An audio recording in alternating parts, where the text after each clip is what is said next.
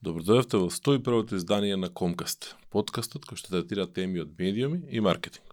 Односно, подкастот кој што е дел од комуникација.нет. Блогот, блогот кој што изминатиот месец, односно во месец март, го прослави својот 16-ти роден ден. Верувале или не, секогаш го забораваме, некојаш дури мислам дека славевме 5 години во Скопје, да, ама и тогаш го славевме со неколку недели закаснување и ми излезе некоја слика и некоја објава на Facebook да ме подсети дека пред точно 11 години сме славеле 5 години и на гости ни беше убаво сеќавам Небојше Радовиќ Енија кој што беше звезда на последниот преглед во петок кој што ни е достапен на комуникација.нет. Но, да не должиме, моето име е Дарко Булдиовски, ако случајно можеби не сте а, знаеле или сте прв пат во а, Комкаст или прв пат гледате Комкаст или прв пат слушате Комкаст, Овој подкаст е достапен да го гледате на YouTube, на каналот на нормално комуникација.нет. Достапен е да го слушате на поголемите, популарните, попознатите аудио платформи за слушање или стримање на музика, нормално достапен е на Spotify, достапен е на iTunes, достапен е на Google Podcast и на Anchor. Ако некаде ви зафали, нормално достапни сме и на Deezer. Ако некаде ви зафали, слободно пишете ни, ќе го додадеме и таму каде што вие практикувате да го слушате вашиот омилен подкаст. Се надевам дека еден од тие ќе биде и комуникација.нет подкастот, односно Комкаст.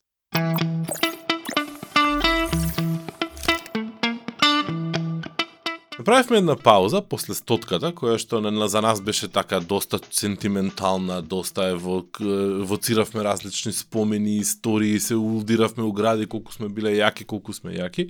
Сега или колку, не знам, сме направиле многу важни работи.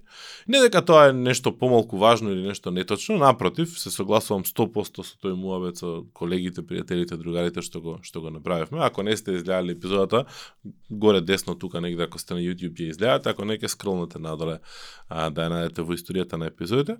Топло ви ја препорачувам, пошто нас ни е така со доста сентиментална вредност, но Uh, се случи нешто многу интересно после таа епизода. Сватив дека изминативе неколку, uh, да речеме, епизоди, 10 на 15, од оваа последна uh, серија, односно сезона на Комкаст, не толку многу третираме актуелни теми. И отворивме сезоната со Сеат и со дискусија на тема со The Social Dilemma, односно филмот, нели, објавен на Netflix, документарецот за употребата, односно злоупотребата од страна на технолошките компании, која што и како актуелна тема, и седнавме со колегите доста да разговараме како оваа пауза, што се ја зададовме себе, не баш многу намерно да бидам искрен, може да ја искористиме а, да го освежиме Комкас, да 101 па и сите следни може да имаат уште некоја различна, а, да речеме, нишка, призма, форма која што може би сме имале во минатото, може би сакаме да дадеме како, како ново.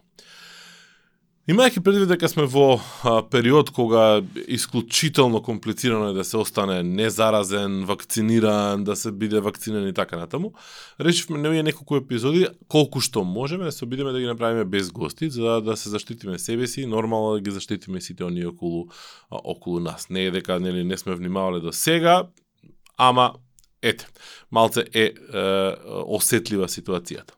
Па затоа денеска сакав сам да отворам една тема која што а, мене некако не ми е нова, не ми е актуелна баш сега, туку е актуелно долго време, ама толку многу од еднаш има за зборување да нема крај. Дури мислам дека може и посебен еден цел канал, посебен YouTube канал, посебен подкаст, посебен се само за Инстаграм да се направи. Да, како што може да видите по наслов, денеска ќе зборуваме многу за Инстаграм.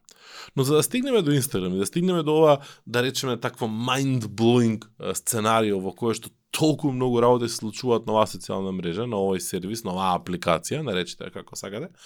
Мора мал вовет да дадеме. Вовет кој што мене е, ужасно многу ми треба да го продискутирам, да го отворам како тема, за да стигнеме до некакви практични совети и искуства.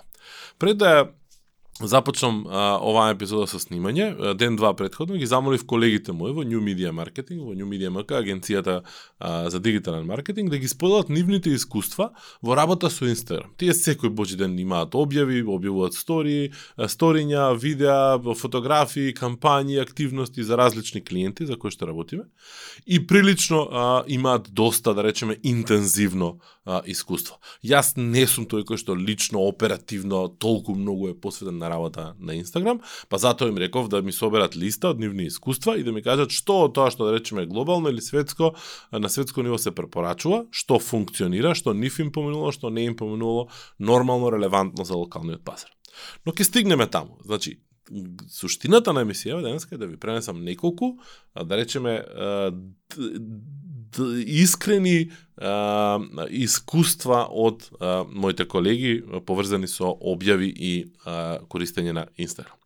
Но реков дека Инстаграм е огромна тема. Огромна тема е затоа што толку многу новитети се случуваат таму секој божи ден, толку многу Facebook, собственикот на Инстаграм, вложува во тоа, во, во незе и едноставно веќе не е ни предмет на дискусија, туку е јасно како бел ден дека Инстаграм е апликацијата чија што цел е да го задржи Facebook во играта.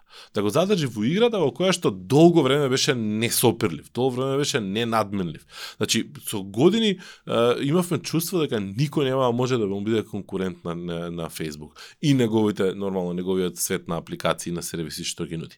Но последнава година, дена година и пол, под влијание на TikTok, под влијание на сега и Clubhouse, под влијание на новитетите што Twitter исто така интензивно ги воведува, веќе не се чувствуваме ние кои што ги следиме овие работи толку многу а, инфериорни во смисла да, да, Facebook е ќе издоминира и тоа е тоа, нема тука што кузне колку многу муабе да да правиме. Особено во оној момент кога Instagram а, го ископира а, Snapchat и кога рековме да, да, сега ништо друго не може да се појави пошто Facebook може да ископира што сака и ќе го уништи. Но а, Snapchat не умре, не, не е дека го снемало, не е дека паднал во, во, во некоја депресија, напротив, Снепчет, особено сега, кога augmented reality, односно проширената реалност, станува се повеќе и повеќе реалност, односно тренд кој што долго време се зборува, ама конечно изгледа му дојде времето, е предводник во таа игра. Дури акциите изминативе неколку месеци му се во нагорен раст, што значи дека не само што не е во проблеми, туку оди во супер нагорна линија.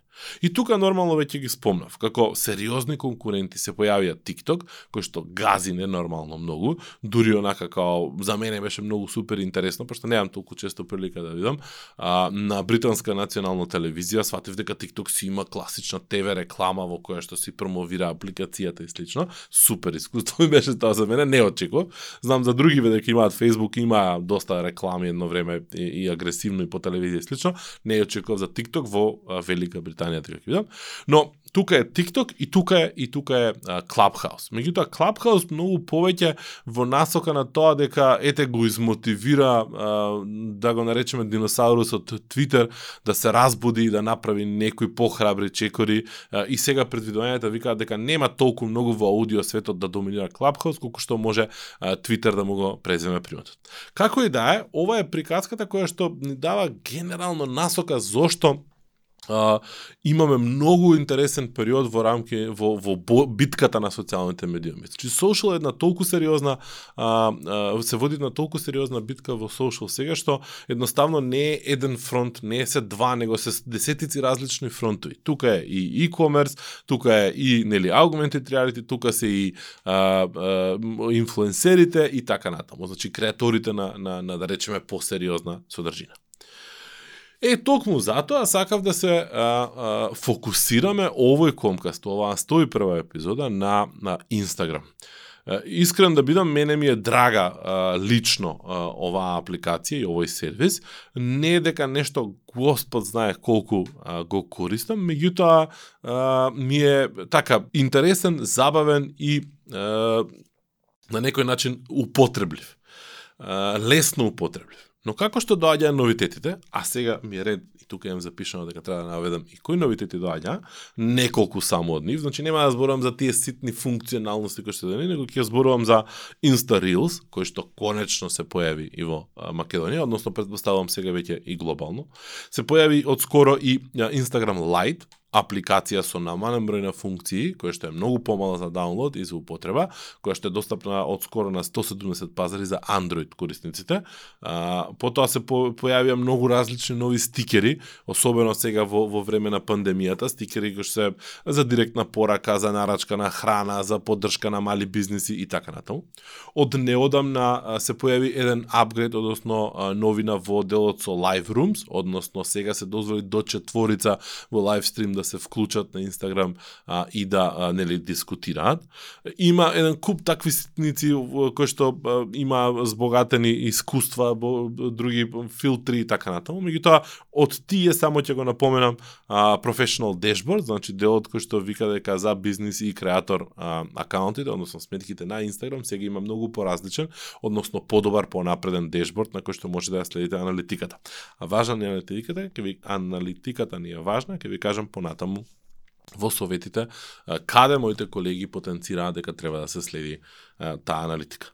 И сега, во фазата во која што а, имаме Reels, во фазата во која што имаме Live, во фазата во која што имаме еден куп многу ситници нови, кои што а, ни форсираат де а, исчезнувачка содржина, де содржина која што останува, де видео серијали, де многу а, хоризонтално тап, скрол, вакво такво онако искуство, внатре во Инстаграм се случуваат и многу промени и многу а, интересни работи. Почнувам со советите. Значи, нема да ги структурирам во совет број 1, број 2, број 3, имам генерално две групирања. Значи, едната е а, кога да објавувате и како да размислите за време на објава, затоа што тука имавме неколку различни експерименти и интересни работи заклучивме. И вториот момент е а, а, каде да објавувате и како да објавувате. Ке почнам со првиот момент, односно каде и како да објавувате.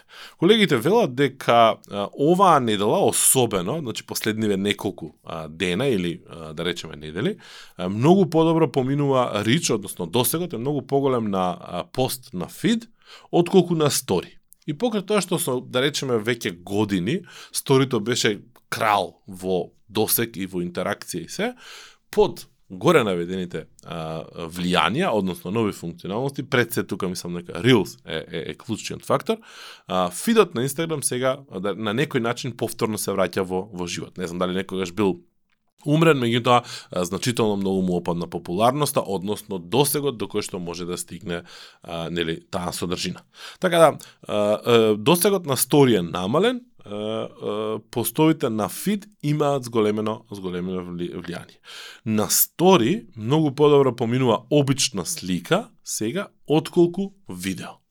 Е сега, повторно тука имаме објаснување. Дали а, а, слика подобро поминува од видео заради тоа што ние сме преуморни, па кликаме побрзо и полесно да конзумираме таа содржина, или затоа што Инстаграм повеќе шанса им дава на фотографиите во овие а, канали, а видеото го чува за Reels, затоа што нели целата карта ја фрла сега на Reels, затоа што мора да го победи TikTok, што е исклучително тешко. А, значи, ако објавувате на фид, она што искуствено вели а, а, наши на велат моите колеги, се дека ако имате едукативни работи, на фид сега супер поминуваат едукативни работи. А ако сакате едукативни работи, тогаш може да користите многу ние карусели, односно слайдери со повеќе до 10 нели објави, слики со текст. Значи, или комбинација, слика, текст, слика, текст, само текст, различни дизајни, неколку различни примери сум гледал, јас сум ги гледал. Локално, јас ги гледам тие на Инстаграм, меѓутоа се на LinkedIn, меѓутоа се исто да шема, еден знам со 100% сигурност, редовен слушател на Комка, супер ги прави тоа, поздрав до Росана, а, она а, објавува, јас барем ги гледам незините на на LinkedIn а, таков тип на на објави а, за UX и за а, дизајн. Така да, внимавајте и потрудете се да бидете поедукативни и да ги користите опциите на, на, на carousel, односно на, на слайд. Кога објавувате на, на а, пост, односно на фид, а, внимавајте да немате премногу непотребни хаштази. Сме го тестирале, сме пробувале, сме гледале, обично еден-два хаштази се оние кои што ја прават магијата, ако успеете да излезете надвор од вашата а, нели, а, група на, на луѓе кои што ве следат и да влезете во некој експлор или во некој срч и така натаму. Така да, фокусирате се на релевантни хаштази, гледате да не ги повторувате едните исти цело време, оние како предефинирани предходно во Инстаграм што ги имате, па ставате се живидиво. Мене ми е супер интересно кога ќе видам дека се уште се употребува фото на неделата, се уште се употребува Инстаграмџи, се уште се потребува рева шот и така натаму. А, Инстаграм хаштази кои што да речеме дел од нив особено фото на делата, особено ни се драги пошто ние бевме тие кои што го ја креираше, ја креираа таа кампања на на времето за за One Telecom. Така да супер е што се користат уште, меѓутоа колку се тие релевантни денеска? Не можам да судам, може би и се, а може би луѓе имаат заследено хаштази, како што јас имам заследено хаштази, некој па од време на време ми се појавува и таква содржина, но а, треба да треба да испитате.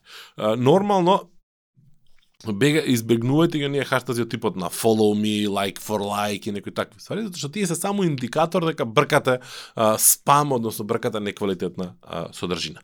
Верувајте ми, изминатава недела а, на објава на Reels, еден хаштаг а, направи да еден акаунт од 100 а, луѓе потенцијален рич да стигне до 1000 и кусур а, рич и тоа без разлика што бројките да се мали е супер индикатор дека хаштагот и типот на објава се тесно поврзани и може да поминат многу подобро од стандардните објави кои што до сега сте ги сте ги правеле. Значи, внимавајте со хаштазите и фокусирате се на едукативна содржина во керосели. Тоа се препораките кои што ги имаме а, од колегите. И уште еднаш да повторам, а ако сакате поголем рич, играте си на фид и со Reels во моментов заборавете толку многу на а, стори.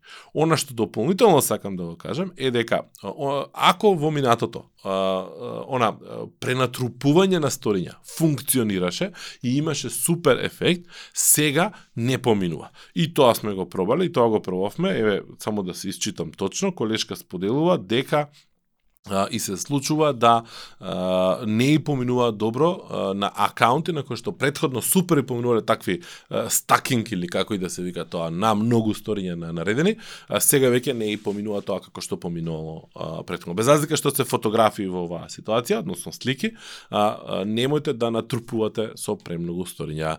Ова веројатно ќе биде тежок предизвик за инфлуенсерите, а, не знам какво е нивното искуство, може би тие акаунти нивни имаат различен тип на интеракција, па не им е, не им е проблем, ама во секој случај треба да се треба да се тестира.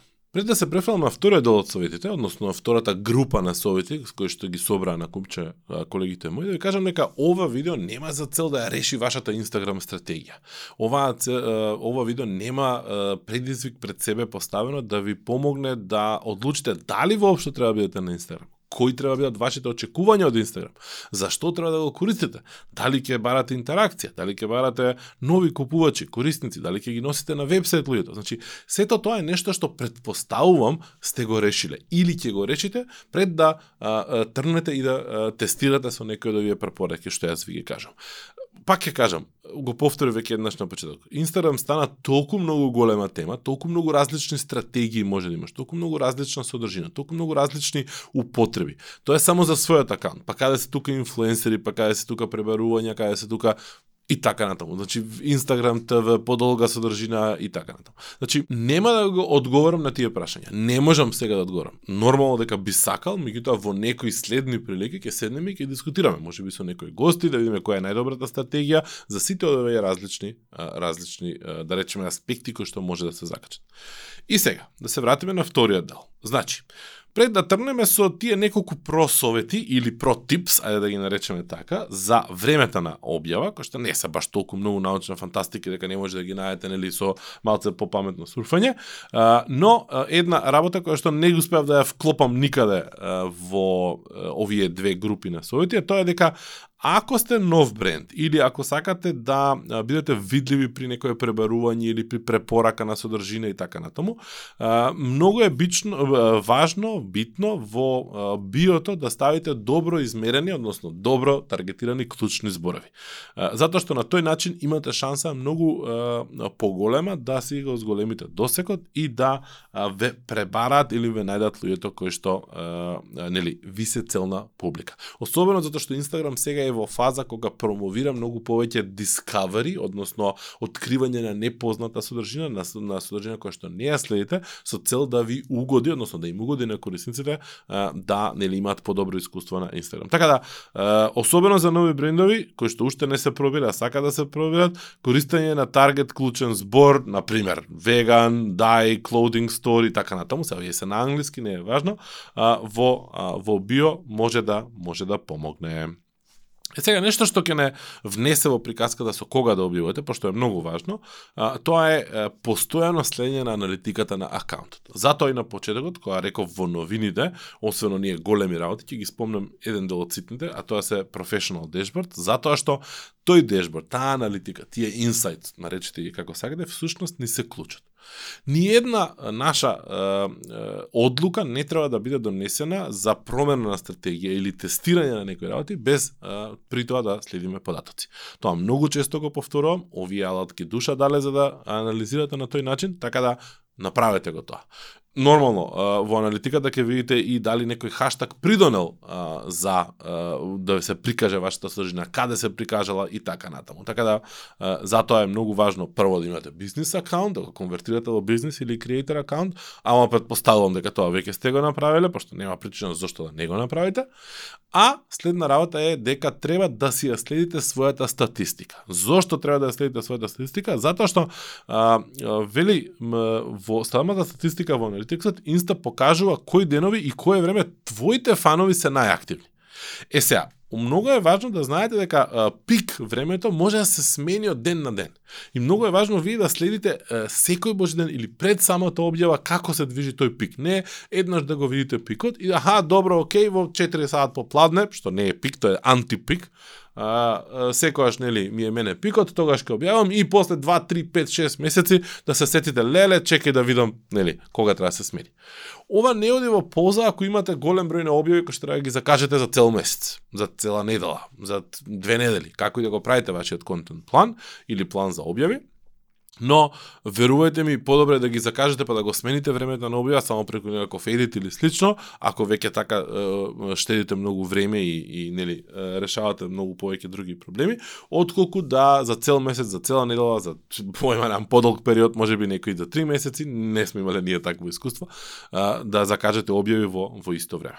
Искуството на колегите вели дека има приметено еден од колегите, кај еден од неколку од брендовите кои што ги кои што ги работи, дека во работни денови најдобро проаѓа порано.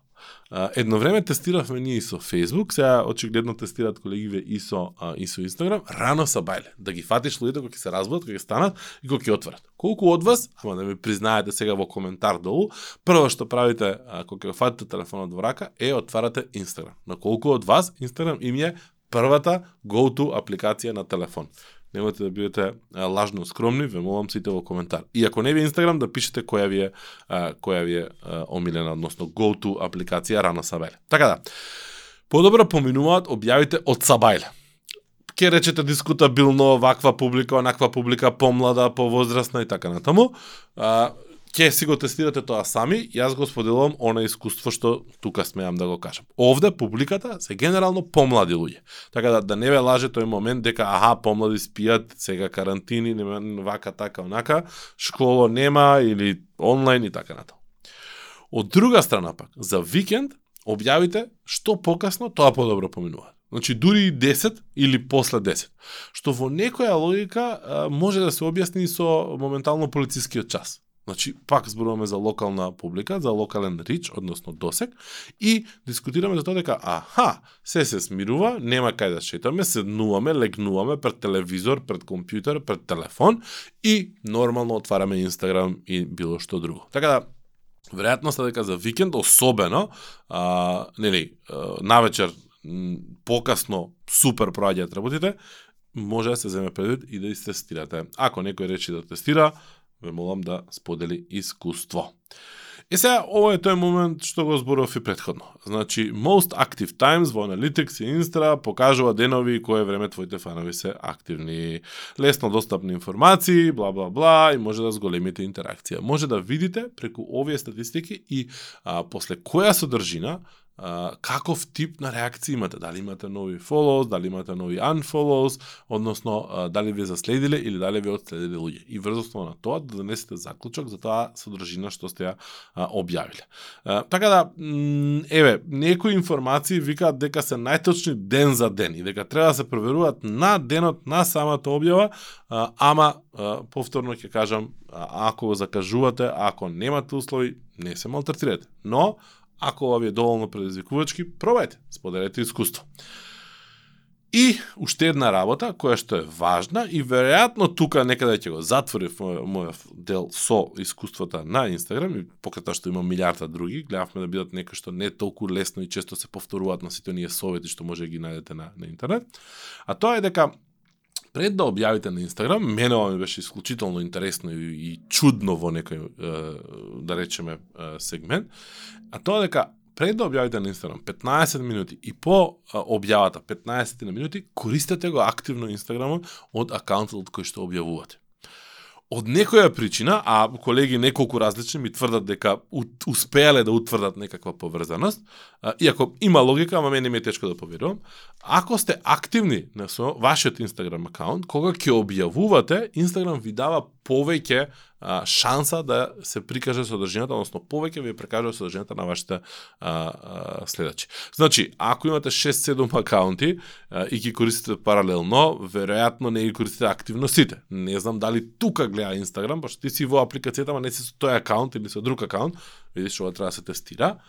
Ама а, паметно е да го користите 15 минути пред и по објавата, односно да а, гледате содржина, да стапувате во интеракција со содржина, да кликате, да споделувате, да лајкате, да комуницирате и така натаму.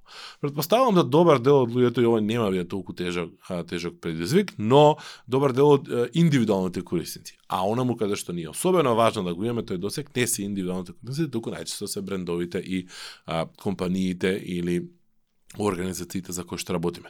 Така да, да се тестира. Значи дека треба да скролаш на Инста пред и по објавување на пост и на тој начин ќе имаш шанси да добиеш поголем реч. Колеги ве викаат дека тестирале, дека пробувале и дека стварно имало влијание. морав да ги препрашам неколку пати стварно за да се уверам во во тоа. И тука некаде да завршуваат тие некои, е, не можам да ја речам протип, сама се обидовме да бидат различни објави, актуелни, е, не објави, совети, актуелни совети на тема на Инстаграм. Овој комкаст е, има за цел да отвори тема, има за цел да даде практични совети, или овој формат на комкаст има за цел да отвори тема, да даде практични совети за, за одредена тема, меѓутоа и а, нормално да а, ве мотивира да влезете во една поискрена комуникација јавна а, на овие теми, онаму каде што ќе начекате оваа објава. Па така, ве охрабрувам да ги споделите вашите совети, вашите искуства, а, кои што сте ги дознале на тема Инстаграм и успешност при објавување за бренд или организација, не онакви спамерски класични акаунти, ве молам поштедете не тие, такви има милиарда други различни совети.